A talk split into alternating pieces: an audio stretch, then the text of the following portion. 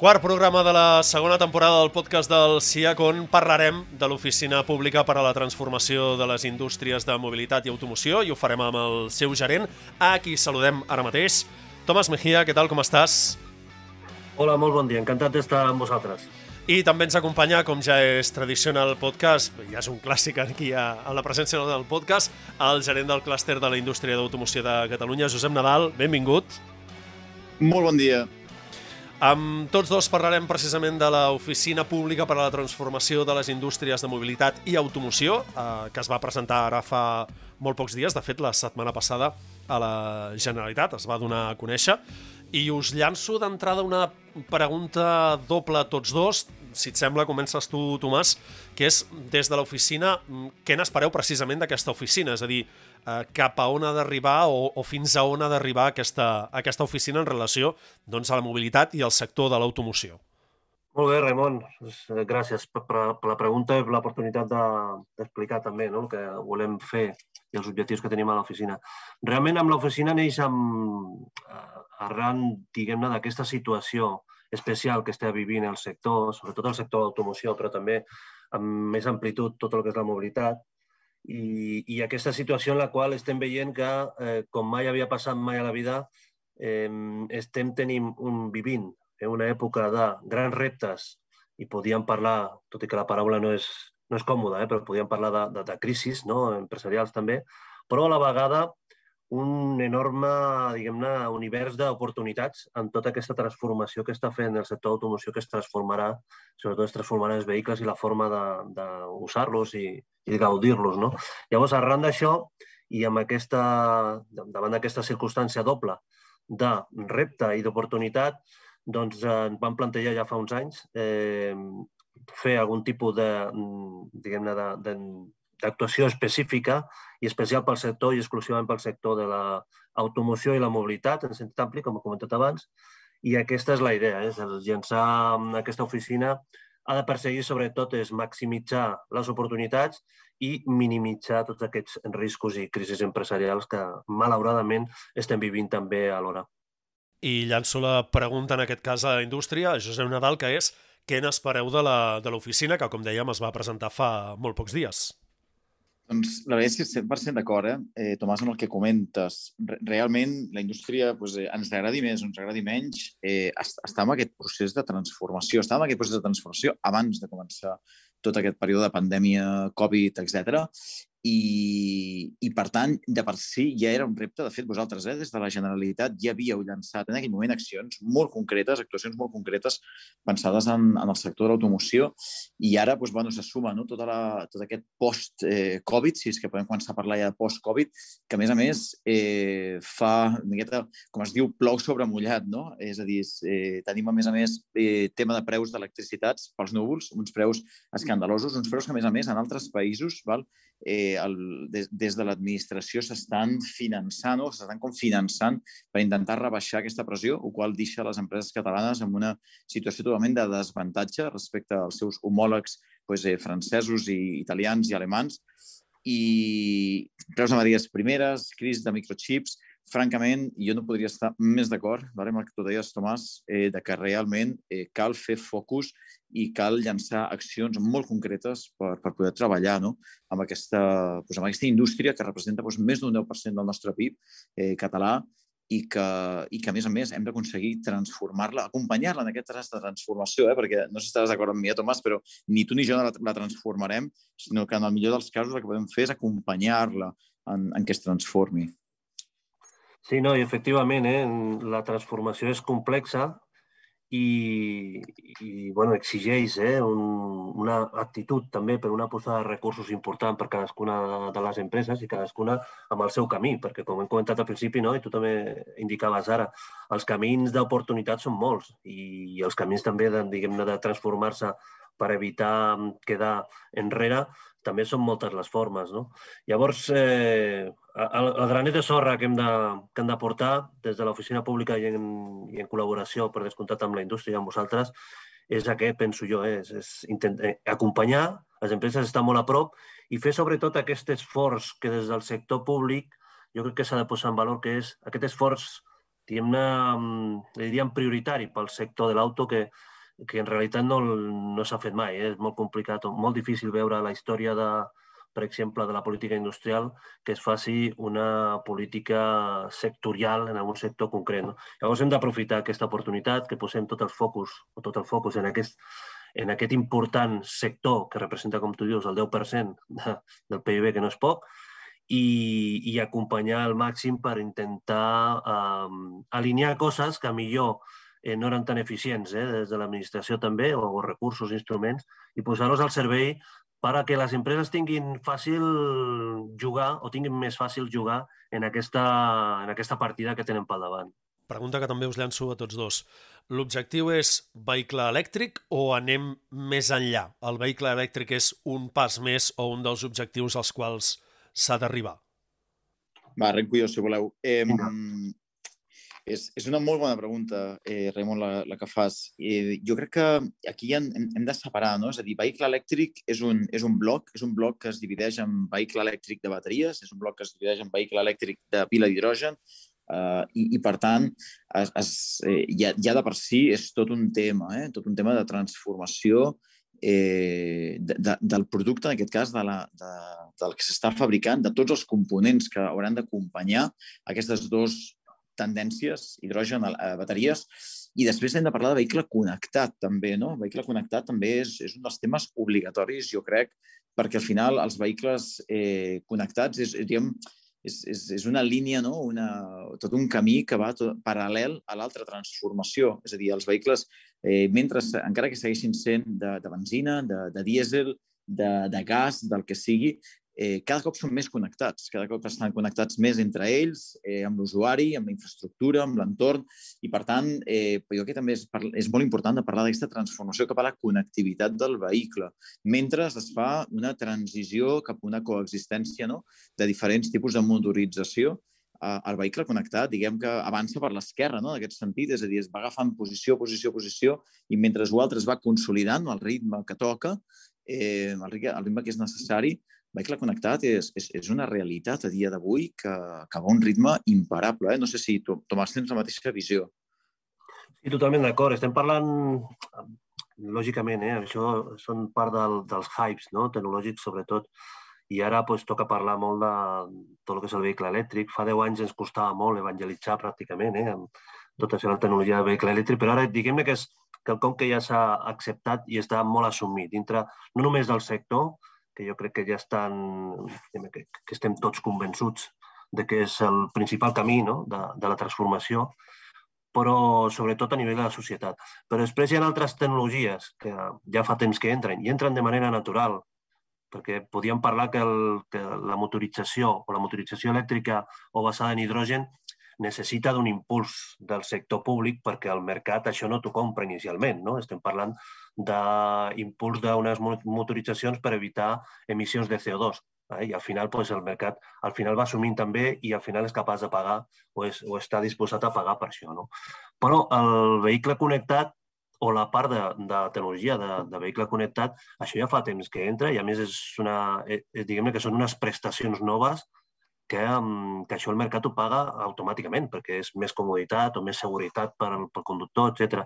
I això no ho hem d'oblidar, com, com dius tu, eh, eh, Josep, perquè, perquè la indústria que tenim, i jo crec que aquí és important recalcar-ho, cap on hem d'anar hem de pensar d'on venim no? i qui som. Llavors, som molt forts a Catalunya, i aquesta és la nostra, el nostre diferencial segurament, en una indústria per fabricar en sèries molt altes el, vehicles turisme o de diferents tipologies de vehicle i aquest, majoritàriament, aquesta transformació s'anirà això cap a vehicle elèctric amb un altre component de vehicle connectat. No? Per una altra banda, també estan les tecnologies d'hidrogen, lògicament, però mm, bueno, pensem segurament, i, i, i això ho podrem, no sé si estàs d'acord, eh, Josep, però pensem que l'hidrogen aplicat al vehicle turisme està més lluny, no? I la primera onada segurament que serà aquesta del, del vehicle elèctric, amb connexió, amb connexió total, eh? I després parlaríem d'altres formes, de, les altres formes de, de gaudir no? de la propietat de, del vehicle o del servei sense haver de tenir la propietat i altres formes de pagar aquesta mobilitat, fins i tot de l'adquisició no? d'aquestes noves fórmules que, que, que podríem parlar molt també, que és com es transformaran també els concessionaris, els tallers, etc. No? Sí, tot, un tema, tot un tema amb, amb aquesta transformació, la veritat. Eh, I sí, de, definitivament, vehicle d'hidrogen ara mateix es visualitza més amb, diguem, grans vehicles, no? De, parlaríem de, de, de, de, de camions, de, de vaixells, fins i tot, i el, el turisme, tot i que ja hi ha marques, eh? Toyota, per exemple, ha un model d'hidrogen al mercat i, de més, eh, com, a, com a turisme. Eh, jo crec que potser ara mateix els costos, eh, que, i per tant el, el poder-ho fer eh, accessible al públic, potser tardarem una miqueta més. Però haurem de veure, perquè la veritat és que l'automoció és una indústria que no deixa de sorprendre, no deixa de sorprendre. Recullo la, o recupero un moment l'oficina de, de nou per parlar d'aquesta col·laboració público-privada. Eh, Primera pregunta que llanço. L'oficina ha de servir, o un dels objectius, un dels rols que ha de tenir aquesta oficina és millorar, potenciar aquesta col·laboració público-privada? Sí, sí, si em permet, Josep, que comenci. Eh, sí. Efectivament, eh, i, i de totes, totes ha de ser així. Jo crec que és un element que faltava i que posem en marxa ara. Fixeu-vos que l'hem dit oficina pública. És a dir, nosaltres hem d'estar en la part pública, hem de fer aquesta ordenació de quins són els recursos, aquesta tasca de, de donar-li, bueno, d'acompanyar, però està molt a sobre de què està passant a la indústria i d'entendre els requeriments i les necessitats, els gaps que tenim ara, eh, quan, quan posem en marxa línies d'actuació o línies de suport des de l'administració, pues, què se'ns estem deixant? No? Perquè hi ha, hi, ha, hi ha necessitats que les coneixem i quan parlem amb el sector directament i que no, bueno, pues, lògicament, eh, no són exactament eh, estan en línia amb tots els instruments que tenim en marxa eh, a disposició, que són molts. No? Llavors, tota aquesta tasca de conèixer eh, els requeriments i d'arribar al sector a acompanyar, eh, oferir aquests instruments que tenim, però també després el retorn eh, de com modificar aquests instruments i donar eh, altres formes de suport a la indústria en base a tots aquests requeriments que hem recollit, aquí és on pensem que l'oportunitat de tenir aquesta oficina pública que pugui eh, con, eh, con, bueno, comunicar eh, contínuament i, i treballar de manera molt estreta amb el CIAC, que representa la, la major part de, de la indústria, de l'automoció en aquest cas, eh, que és on pensem que, que aquesta col·laboració público-privada és on té un, un camp per eh, recórrer que abans no teníem. Aquesta és la meva, la meva visió de, de, la, de la col·laboració público-privada que podem establir amb la indústria deixo un moment l'oficina, però segueixo amb el tema d'aquesta col·laboració público-privada. I és una pregunta que us llenço a tots dos. Si vols començar tu, Josep, i després eh, recuperes tu, Tomàs. Eh, la col·laboració público-privada és imprescindible per a la transformació del sector o el sector es pot transformar sol, sense anar acompanyat d'aquesta administració pública? Pregunta per tu, Josep. Sí, sí, sí, és, és una molt bona pregunta. Mira, jo, jo diria que eh, tots, tots els elements no només diria que són necessaris eh, perquè, perquè passi, sinó que jo diria que són obligatoris. És a dir, la, la realitat eh, o, o la millor manera de treballar és, és buscant eh, reflectir aquesta realitat. I la realitat que tenim és precisament de que vull dir, les empreses no estan soles, l'administració no està sola i, per tant, ens hem de posar d'acord, no? hem de treballar de la mà els uns amb els altres. Eh, hi ha parts, abans tu comentaves, eh, Tomàs, hi ha parts que les empreses, eh, és a dir, depèn d'elles, vale? i per més que l'administració vulgui empènyer en una direcció o en una altra, l'última paraula la tindran sempre les empreses, però també és veritat que si les empreses van soles, sense anar de la mà de l'administració, mai podran treure o mai podran arribar no? a, a explorar o a implementar tot, tot el seu potencial. No? I aquí podríem parlar de coses molt evidents, com per exemple tot el tema d'infraestructures de punts de recàrrega, etc. Això són coses que, si bé les empreses poden facilitar, poden demanar, poden desenvolupar, l'administració hi té molt a dir i també, no sé, al començament jo comentava un tema, no? ara mateix amb tota la situació, per exemple, eh? de, dels preus de l'electricitat i de més, el fet que hi hagi països on l'administració està recolzant i està finançant fins a un 68% d'aquest cost per ajudar a les empreses aquí a Catalunya tenim empreses que tenen eh, ERTES, munta, ERTOs, en aquest cas, fets de dilluns a divendres i estan treballant dissabtes i diumenges a tres torns per intentar equilibrar eh, aquest, aquesta despesa que per ells és crucial, que és el cost de l'electricitat. Llavors, aquí l'administració hi té molt a dir i si, si no anem de la mà, eh, i amb això en Tomàs i jo anem, anem molt alineats, eh? si no anem de la mà empresa i administració, eh, no, no ens en sortirem. No ens en sortirem. No, no sé si coincideixes, eh, Tomàs? Sí, i tant. Eh, bueno, de fet, el, amb, amb el Josep, que col·laborem fa molt de temps i és un plaer realment col·laborar amb Josep i amb tot el CIAT, és una gran oportunitat, jo crec que tenim, eh, i un gran actiu que tenim a, a Catalunya, eh, és, per, eh, que és aquesta estructuració eh, del sector més enllà de la, mm, de l'actuació individual que ens permet afrontar aquests reptes. Eh? Això de l'energia que comenta, el tema de les barreres, de, o sigui, barreres de, de, pel tema de, de subministraments o aquest desabastiment, no?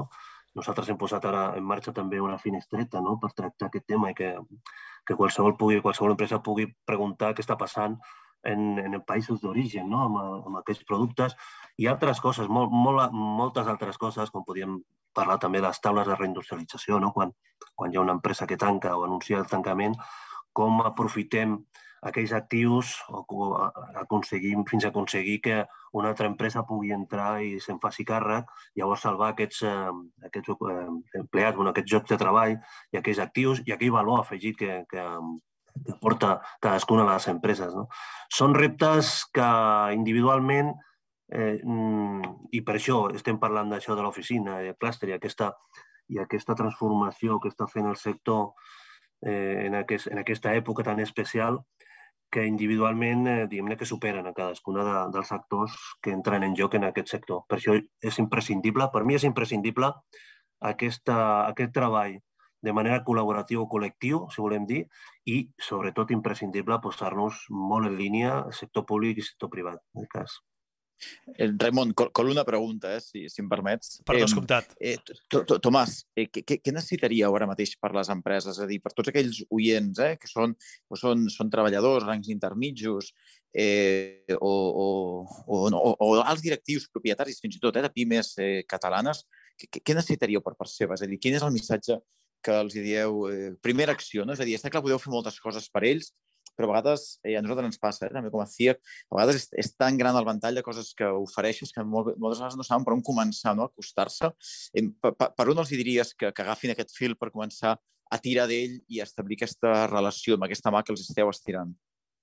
Bé, el, com comentava, el, jo crec que el primer pas que hem de fer és conèixer bé aquests requeriments, necessitats i aquests problemes que estan tenint, no? ja sigui directament amb ells, i aquí ens oferim a, i ja ho estem fent, eh? en entrevistes particulars amb, amb tots els eh, agents que, que podem arribar i que ens sol·licitin, i també de manera col·lectiva a través de vosaltres, no? que jo crec que, que atesoreu un coneixement col·lectiu de totes aquestes problemàtiques impressionant. No? I aquest és el primer pas i el primer que els hi demanaria eh, per poder entendre i fer una pel·lícula, una, bueno, una, una, pel·lícula, una, una foto ben clara d'on estem i què és, què és el que manca, no? quines altres coses o palanques hem de tocar. O sigui, seria alguna així, eh, per simplificar-ho molt, com dir, eh, truqueu-nos, escriviu-nos, eh, presencieu-vos aquí i, i expliqueu-nos què us passa. Seria una miqueta com dir, ajudeu-nos a fer el diagnosi, no? Entenc que serà una miqueta com el primer pas, eh, d'alguna manera. Sí. sí, pensem que el primer pas ha de ser aquest, eh? recollir aquest coneixement que només les empreses i vosaltres ens podeu donar i mm. per això, això tenim la, la porta oberta i no només això, sinó que, que anem perquè també eh, entenem que la millor manera d'entendre una empresa és visitar-la i ara que presencialment sembla que podem tornar a agafar el fil mm. eh, d'aquestes visites presencials és estar allà i, i directament sobre, sobre el terreny i sobre la planta poder parlar d'això, de què els hi preocupa, fins on arriba i què és el que necessitarien que no tenen resposta ara mateix per a aquests nous reptes que, que estan tenint. Oh, doncs en aquest sentit, podríem fer una crida, no, Raimon? Jo crec que aquí de dia, escolteu, aquells que sentiu aquest podcast, eh, estigueu on estigueu, eh? des d'un treballador de línia, un cap de servei, un, un rang intermig, un alt directiu, eh, poseu-vos en contacte no? en aquest sentit o, o mobilitzeu el, el poder explicar què és el que passa, que no sempre, no sempre és fàcil, eh? aixecar la mà i dir, hòstia, doncs jo, jo pateixo d'aquí o a mi em fa mal allà. Eh, I en tot cas, també jo t'oferiria, eh, eh, Tomàs, de, de que des del clúster podem començar a muntar reunions de treball, si voleu, almenys perquè us ajudem no? a començar a identificar eh, com, aquest, aquest mapa, no? aquesta fotografia que, que deies tu, perquè després es pugui anar fent una anàlisi, doncs, com esteu fent, no? aquest treball tan bo que feu, de, de ja anar a analitzar doncs, amb visites presencials, cas per cas, però almenys que tingueu una primera, una primera pentinada, no? una primera passada del rasclet per veure doncs, eh, almenys el, què, és, què és el que aflora no? amb, aquest primer, amb aquest primer contacte. Sí, seria estupendo. A més, jo crec que podríem fer, que a vegades, eh, a veure, la reunió particular o individual aporta moltíssimes coses, no? perquè tens allà la confiança no? de, de estar parlant de, amb l'administració que ens devem a tot el tema de confidencialitat per descomptat. Mm -hmm. Però moltes altres vegades, en molts casos, hi ha, hi, hi ha problemàtiques que es poden tractar col·lectivament de manera reduïda, que aquí és on sí que seria interessant que la vostra sabidoria eh, sobre el sector poguéssiu dir, mira, mireu, uh, tenim, per posar un exemple, tenim els matricers que estan passant un moment eh, especial perquè, mm. per lo que sigui, no? Eh, per posar un exemple, eh? Sí, Llavors, sí, sí. Fer, fer una reunió con, col·lectiva que ja hem fet alguna vegada, no, no, sí. no arran de l'oficina, però en el passat, sí, i que sí, sí. també funcionen, perquè a vegades els, els empresaris no són tan tancats com, com a vegades volem, volem entendre mm. que són. Eh? I, I quan veuen que poden entre tots també una miqueta fer força i explicar millor les seves problemàtiques i sumar no? Aquestes, aquests requeriments o aquestes necessitats, jo crec que pot ser interessant treballar en aquesta línia també. De, de fet, nosaltres, eh, i tu saps, eh, moltes vegades has, hi has participat eh, amb, eh, amb, amb aportacions o com, o com havien, eh, Tomàs, moltes vegades eh, nosaltres el que ens adonem que els grups de treball que tenim, que els tenim de tots els tamanys i formes i colors, eh, amb, moltes vegades amb, amb el propi grup de treball es donen les dinàmiques de que eh, allà, òbviament, s'arrenca per posar sobre la taula les problemàtiques, els reptes, les dificultats, però moltes vegades el propi grup de treball és capaç de generar eh, solucions, possibles fulls de ruta, etc etc. Vull dir que realment sí que és veritat que en el treball individual pots, pots afinar molt més, però en el treball de grup també ja es dona aquesta màgia, anem a posar-ho d'aquesta manera, no? Es dona aquesta màgia amb la que el propi grup moltes vegades és capaç d'arribar a solucions, solucions que a vegades dependran d'ells a vegades dependrà de l'administració, no? I aquí enllaço, no?, d'alguna manera, la pregunta feies tu abans, no, Raimon, d'aquesta importància de, de que hi hagi aquesta, aquest treball conjunt, eh, aquest anar de la mà, eh, sector públic, sector privat, perquè eh, aniríem coixos, no? Si no... Doncs recupero una mica aquesta, aquesta relació público-privada, que jo reconec, eh, personalment, a mi és un, és un tema que, que m'obsessiona molt i que jo particularment considero imprescindible, però aquí no estic per donar la meva, la meva opinió. Eh, simplement per eh, intentar, no un cas pràctic, perquè evidentment entenc que l'oficina acaba d'obrir-se i que per tant les dinàmiques eh, i aquesta relació público-privada ja s'aniran establint entre doncs, sector, mobilitat, etc i, i l'oficina. Però simplement per tenir potser una fotografia una, una mica més clara, eh, de quina relació estaríem parlant? Poso un exemple, eh? eh D'aquestes reunions conjuntes que sorgeixin projectes i que, per tant, eh, es pugui veure quin rol juga el sector i quin rol juga l'oficina, en aquest cas, eh, com a representant de l'administració pública, és a dir, d'aquest treball conjunt sorgeixen projectes i, mi, i es mira quin rol ocupa cada un, és la indústria qui proposa projectes i va buscar l'oficina, és l'oficina qui veu oportunitats i els va proposar la indústria, Sí, jo, jo diria, Raimon, i, i això doncs, el, el, el Tomàs podrà, podrà, podrà certificar-ho, eh? podrà, podrà corroborar-ho. Eh, és a dir, la relació eh, indústria, és a dir, amb, amb, l'administració, el sector públic-privat, ja existia abans d'aquesta oficina, vale? ja, ja existia antes, i, i d'alguna manera la relació del Josep i el Tomàs, la relació del CIA, Camp Acció i la Generalitat, això ja existia, simplement ara se li està fent aquest focus, no? comentaves tu abans, eh, Tomàs, al principi, de dir allò que ja hi era, anem a posar-hi més intensitat, no? és com agafar el, el, el graduador no, de potència i donar-li una volta més, perquè aquesta relació ja la tenim i, com tu deies abans, Tomàs, ja és bona. No? Jo, jo crec que són les dues coses, a dir, jo crec que és continuar amb aquesta relació que teníem eh, i ara, a més a més, aprofitar doncs, aquest focus que, que s'hi fa. No? Jo crec que aquesta, aquesta és la clau.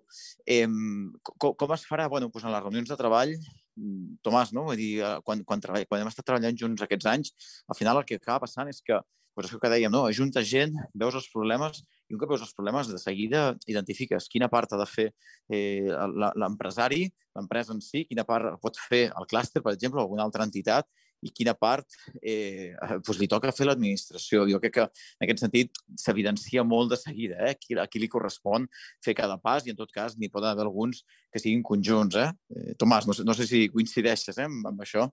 No, coincideixo totalment. Eh? Quan fas una reunió de treball o, un, o una entrevista personal, eh?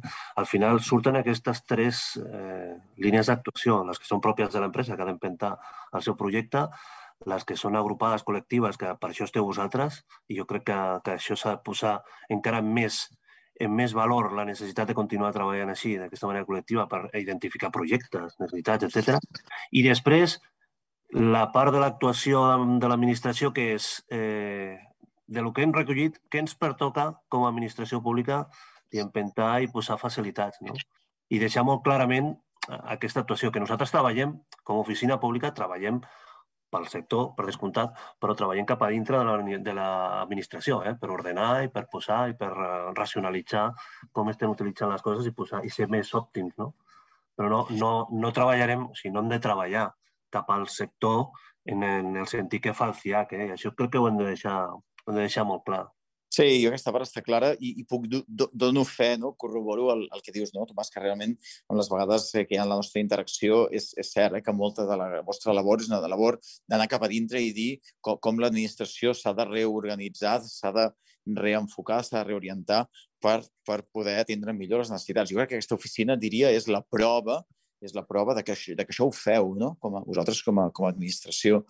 I t'haig de dir, nosaltres com a, com a CIAC eh, participem en entitats d'àmbit nacional i d'àmbit europeu, dintre i fora de l'automoció, i haig de dir que, en general, eh, Generalitat, eh, a través eh, d'acció, tota el que és eh, la part d'indústria, eh, sou, sou, sou molt receptius, eh, molt, molt permeables a escoltar sempre i, i a l'hora de reaccionar bueno, doncs, al ritme eh, que aneu des de l'administració, que reconec eh, que teniu doncs, bueno, els vostres ritmes, els vostres procediments, però jo diria que aquesta oficina és una prova vivent no? d'aquesta escolta i, re, i, i resposta a les necessitats que se us plantegen. Sí, sí, eh, per aquesta línia. I per fer això mm, és imprescindible i us necessitem eh, absolutament per poder desenvolupar tota aquesta feina. Si no seria, com tu dius, estaria coix el sistema. Però jo crec que hem d'aprofitar que ara l'oportunitat interessant és que deixa una miqueta d'estar coix, no? aquesta relació, que no ho era, eh? però sí que ja, tu tenies, o, o tens, eh? i que continues tenint, però dintre l'administració no sé quants interlocutors deus tenir, Josep, molts, segur que molts.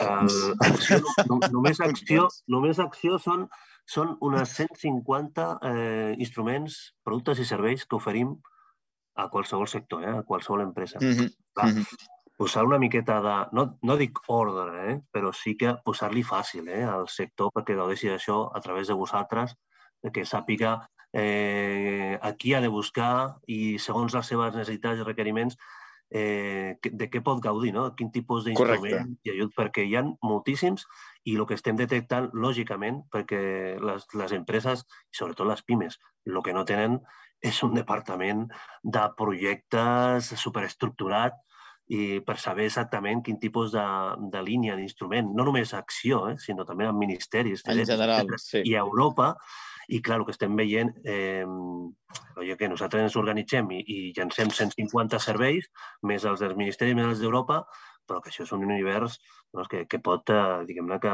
ennuegar eh, algunes vegades. I aquí això pensem que, que tenim molt a, molt a aportar, no?, també.